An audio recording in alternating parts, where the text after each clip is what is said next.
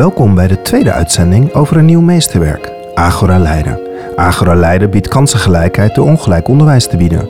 De realisatie van deze onderwijsdroom wil ik de trouwe luisteraar van meesterwerk niet onthouden. Daarom schakelen we nu snel over naar Radio Lef.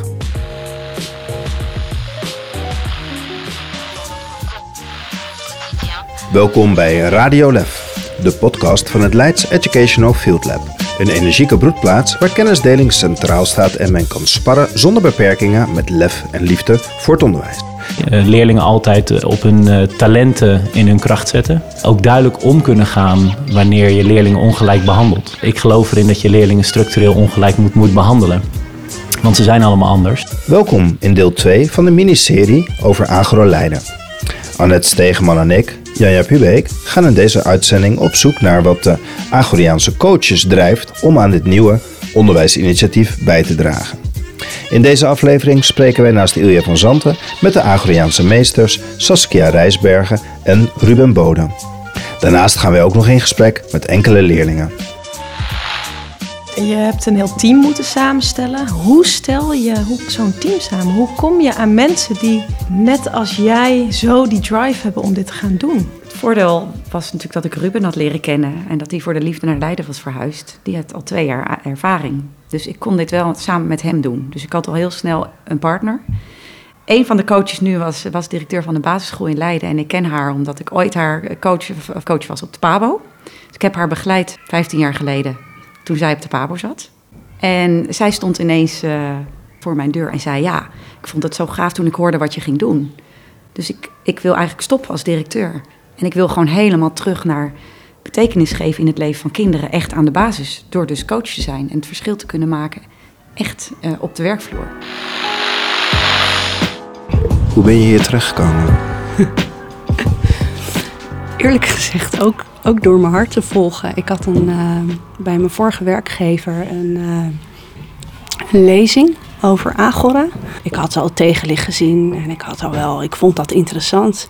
En ik feliciteerde de initiatiefneemster Ilja, feliciteerde ik daarmee. Maar toen ik later in mijn proces al, ik had al lang besloten dat ik iets anders wilde in mijn werk. Ik was schoolleider op een prachtige school in Leiden. En dat deed ik met veel plezier. Maar daar voelde ik dat uiteindelijk dat niet was waarom ik ooit het onderwijs was ingegaan. Een paar maanden na die lezing, toen dacht ik opeens, wacht eens even, dat Agora, als ik toch heb besloten om te stoppen met dat wat ik nu doe, ik ga daar solliciteren en ik wil het zelf meemaken. Zo ben ik hier terechtgekomen. Sollicitatie uh, met een gouden ticket in mijn hand. Uh, gepitcht en gekozen. Het is twee maanden zijn je gestart. Ja. Hoe bevalt het tot nu toe? Ja, het is, het is echt een cadeau om sowieso uh, met een uh, vers team waar iedereen nieuw begint, uh, zoiets op te mogen zetten. dus iedereen staat aan. Dat is heel erg fantastisch om te ervaren. Merk ik ook, nou ja, wat ik net ook zei. Ik kom moe thuis, maar voldaan. En als ik opsta, heb ik weer zin in een nieuwe dag.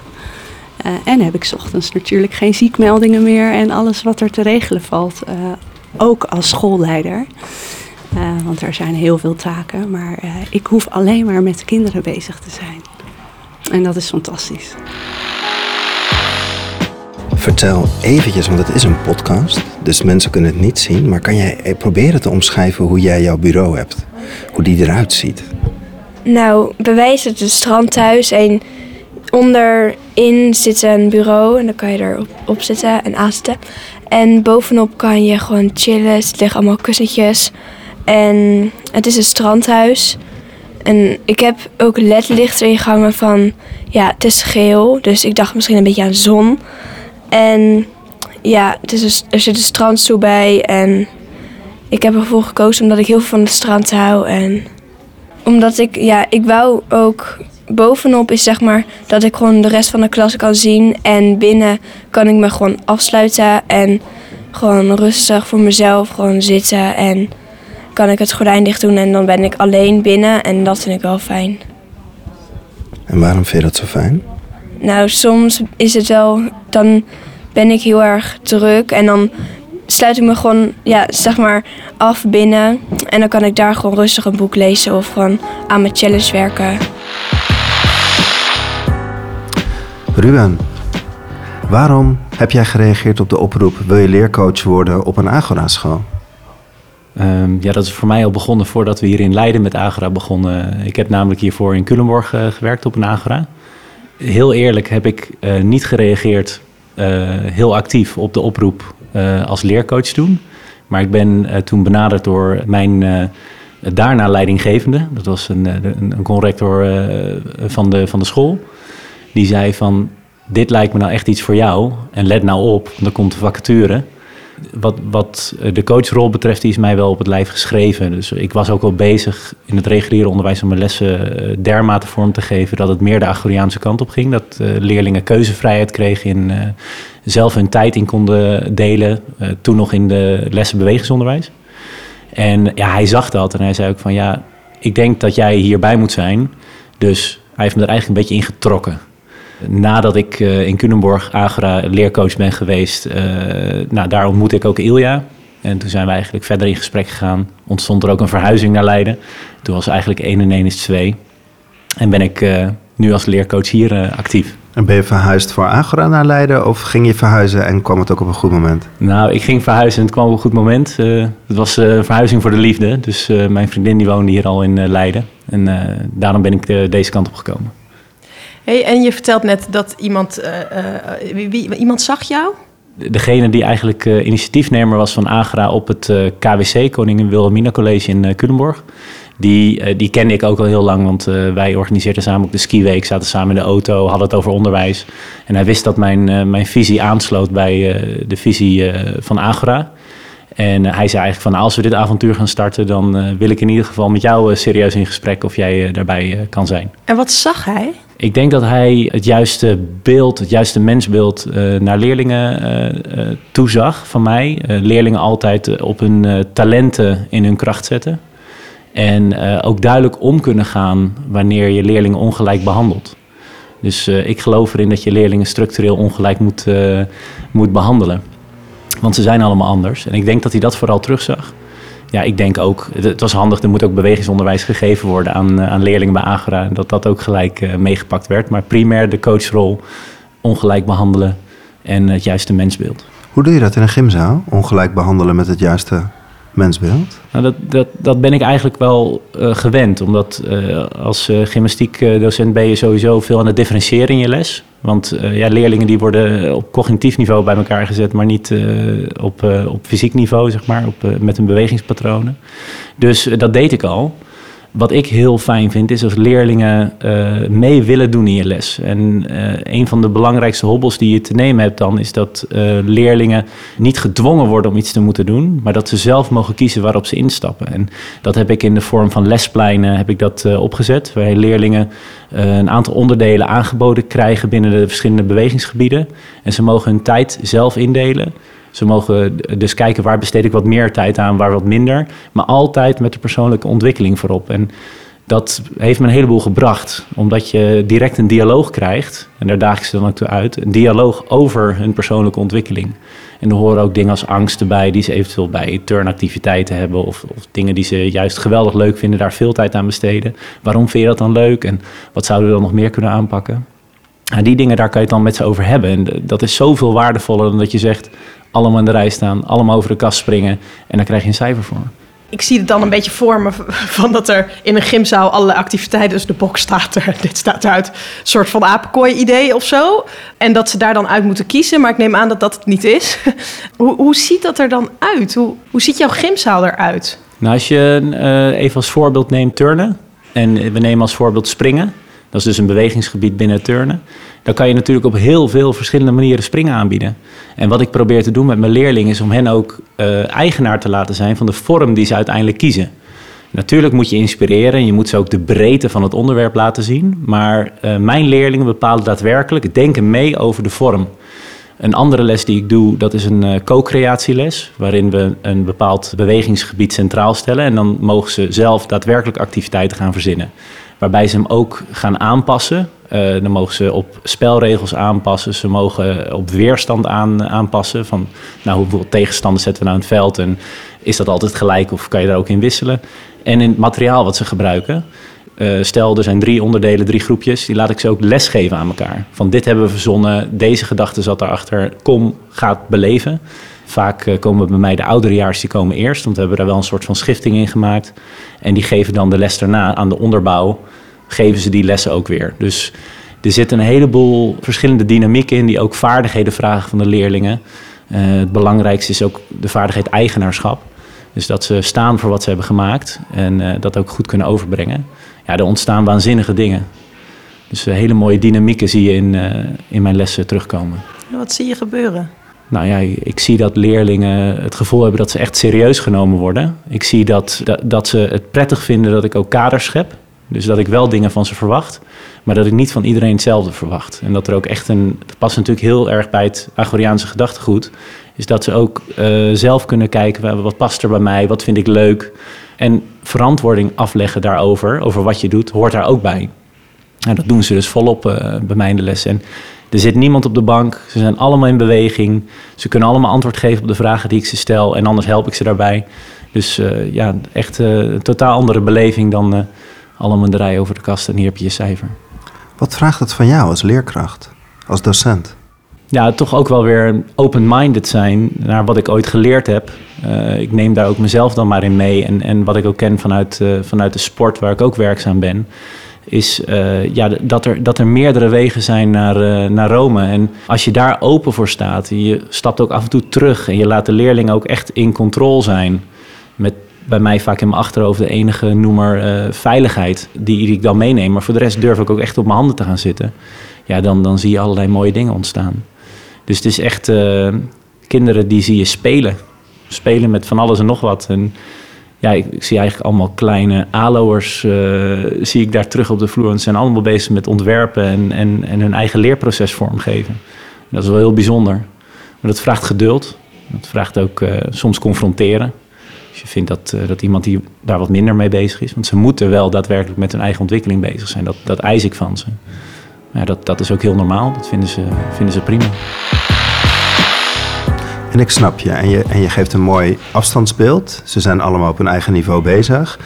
Maar je begint met, ik wil al die, al die kinderen ongelijk behandelen. Ze hebben allemaal iets anders nodig. Ik ga uit van differentiatie. Hoe hou jij overzicht en hoe blijf jij al die kinderen zien? Ja, tijdens de lessen probeer ik ze gewoon veel op te zoeken ook. Probeer, uh, ze zoeken mij eigenlijk ook heel veel op. Want ik, ik geef gewoon aan dat ik open sta voor hun vragen. En ze komen daadwerkelijk met vragen. Maar het is ook een beetje omdat ze dat gewend zijn. Een begeleiding met Agera, met een coach. Waar ze afspraken zelf mee maken. Waar ze vertellen over wat ze willen gaan leren. Ja, dat gaat in die gymlessen gewoon door. Dus het is eigenlijk een soort cultuur die er aan het ontstaan is. Steeds, steeds meer. Waarbij uh, de leerlingen dus uh, zelf de regie pakken. Dus ik hoef, eigenlijk, ik hoef eigenlijk ook niet zo heel veel daarin te doen, behalve te luisteren naar het verhaal. Wie ben je? Wat wil je leren? En hoe kan ik je daarbij helpen? En dat is eigenlijk de enige drie dingen die ik constant in mijn hoofd moet hebben als ik daar, uh, daar rondloop. Hoe maak je met elkaar zo'n cultuur?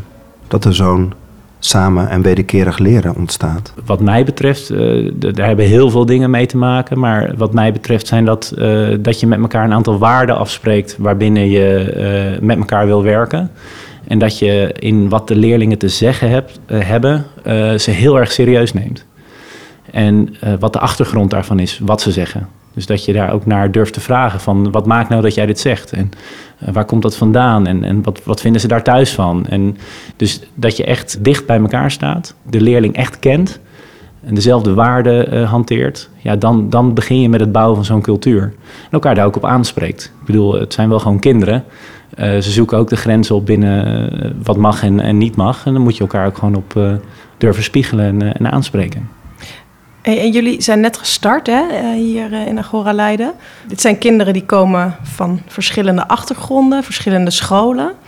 Kan je al een voorbeeld geven van wat dus dat eigenaarschap wat je ze heel erg geeft met een kind doet. Heb je iets gezien de afgelopen maanden waarvan je denkt: wauw, dit is echt een gaaf voorbeeld? Ja, ja ik heb, ik heb uh, heel veel gezien. ik heb met name nu al heel veel leerlingen gezien die voorheen gesloten waren, stil waren, zich niet begrepen voelden. Die nu steeds vaker met een lach op hun gezicht bij ons rondlopen en, en daadwerkelijk tot iets komen. Gaat niet allemaal even makkelijk. Sommige leerlingen die hebben ook echt nog wel wat hulp nodig daarbij. Maar lachende kinderen, kinderen die zich durven uitspreken. Ja, dat, dat, dat zie ik elke dag uh, gebeuren. Er zijn leerlingen die zijn nu onderzoek aan het doen naar, naar aerodynamica in het, uh, in het wielrennen. Uh, zijn afspraken aan het maken met de voornaamste instanties om daar een keer te gaan kijken. Er zijn leerlingen die hebben al een auto gekocht op de sloop om een eigen werkplek van te maken. Ja, er gebeurt zo ontzettend veel en, en, en zo, zo persoonlijk ook. Dat is, ja, dat is echt genieten. Heb je het ook wel eens lastig? Goede vraag. Heb je het ook wel eens lastig? Ja, gelukkig wel. En neem eens mee. Nou, je gunt uh, elke leerling zijn uh, persoonlijke groei. Maar uh, we hebben ook leerlingen die, die, die, die zijn wel een beetje beschadigd door het systeem voorheen. Ook wat zijinstroom. Ja, die leerlingen weer het vertrouwen geven, vertrouwen in zichzelf. Ze echt leren kennen, weten wat er heeft plaatsgevonden en, en dan ze een nieuwe start bieden. Je gunt het ze allemaal, maar ook daadwerkelijk een nieuwe start bieden. Ja, dat, dat maakt me wel uh, af en toe wat onzeker. Van, ja, dan wil je dat het sneller gaat eigenlijk. Je wil ze direct veilig laten voelen, maar je moet, dat, dat kost gewoon soms wat, uh, wat tijd. En daar werken we hard aan uh, met elkaar. En dat begint vanuit elkaar echt kennen. Dus we zijn nu die verhalen aan het maken. We zijn samen koers aan het bepalen. Dat is, dat is wat we aan het doen zijn. Wij gaan kinderen spreken. Welke vragen moeten wij absoluut aan ze stellen? Ja, ik, ik, de, ik begin vaak met de vraag van uh, waar gaat je hart sneller van kloppen? Waar worden je ogen groter van? Ik denk als je die vraag begint, dan, uh, als je met die vraag begint, dan, dan houdt het ook niet meer op het uh, gesprek. Dan komt er van allerlei mooie dingen komen eruit. Ik zou, dat, ik zou daarmee beginnen. Hoe lang heb jij in um, Culemborg gewerkt? Ik heb uh, met, met de opstart, waar dus nog geen leerlingen bij waren, want we hebben het daar ook vanaf nul opgezet, uh, heb ik twee school, schooljaren met leerlingen gewerkt. Oké. Okay. Hey, en wat heeft het jou als mens gebracht om als leerkracht zo aan het werk te zijn?